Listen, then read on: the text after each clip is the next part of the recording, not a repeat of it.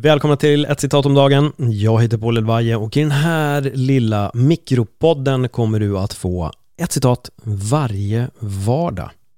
Den här veckan ligger fokus på stoikerna och det är ingen mindre än Marcus Aurelius som ni kommer att få fem stycken citat utav. Så om det här är första citatet ni hör den här veckan, kom ihåg att det finns fler avsnitt bakom. Och om du allmänt upptäcker den här podden så har du några avsnitt till att upptäcka där bak. Men jag tycker att vi hoppar på veckans tredje citat direkt. Det är Det är inte döden du ska frukta utan fruktan för att du aldrig börjar leva. Vad tänker du när du hör de orden? Det är inte döden du ska frukta utan fruktan för att du aldrig börjar leva. Väldigt många är rädda för döden. Vi går runt och är så otroligt rädda för döden många gånger. Jag säger inte att alla är det, men det finns de där ute som är väldigt rädda för döden. Men vi frågar oss aldrig när ska vi börja leva? Det här är ett citat som prickar mig väldigt, väldigt hårt för att det handlar inte om att jag var rädd för döden men det handlade om att jag vid ett tillfälle i mitt liv insåg att jag inte levt. Jag var så besatt av karriär. Jag var så inne i, jag höll på med stand-up en gång i tiden, stand-up comedy och humor. Jag var så inne i det och jag jagade, jagade, jagade. Den lediga tiden jag hade från mitt andra yrke gick ut på att sitta och skriva och planera och försöka skapa den här framtiden. Och det pågick länge. Jag var aldrig ledig, utan jag såg bara till att jobba. Jobba, jobba, jobba, jobba. Kämpa, kämpa, kämpa, kämpa, kämpa.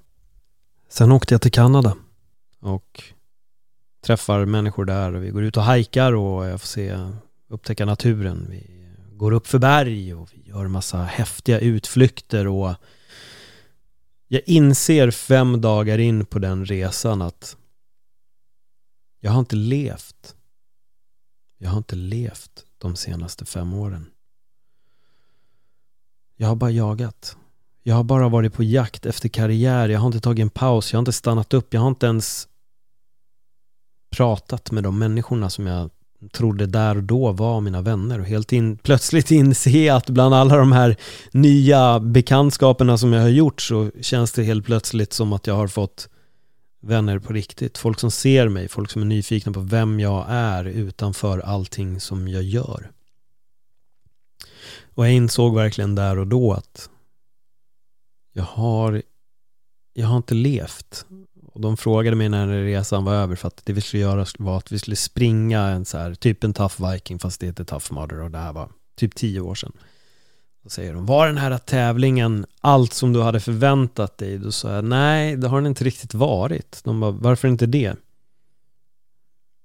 Jo, för att ni fick mig att inse att jag inte levt under den här resan så att det som hände på slutet var, blev ganska oviktigt. Det är allting som har hänt under de här två veckorna som har varit det viktiga. Och det är att jag har fått leva. Jag har fått ta en paus från jakten och jag har fått leva.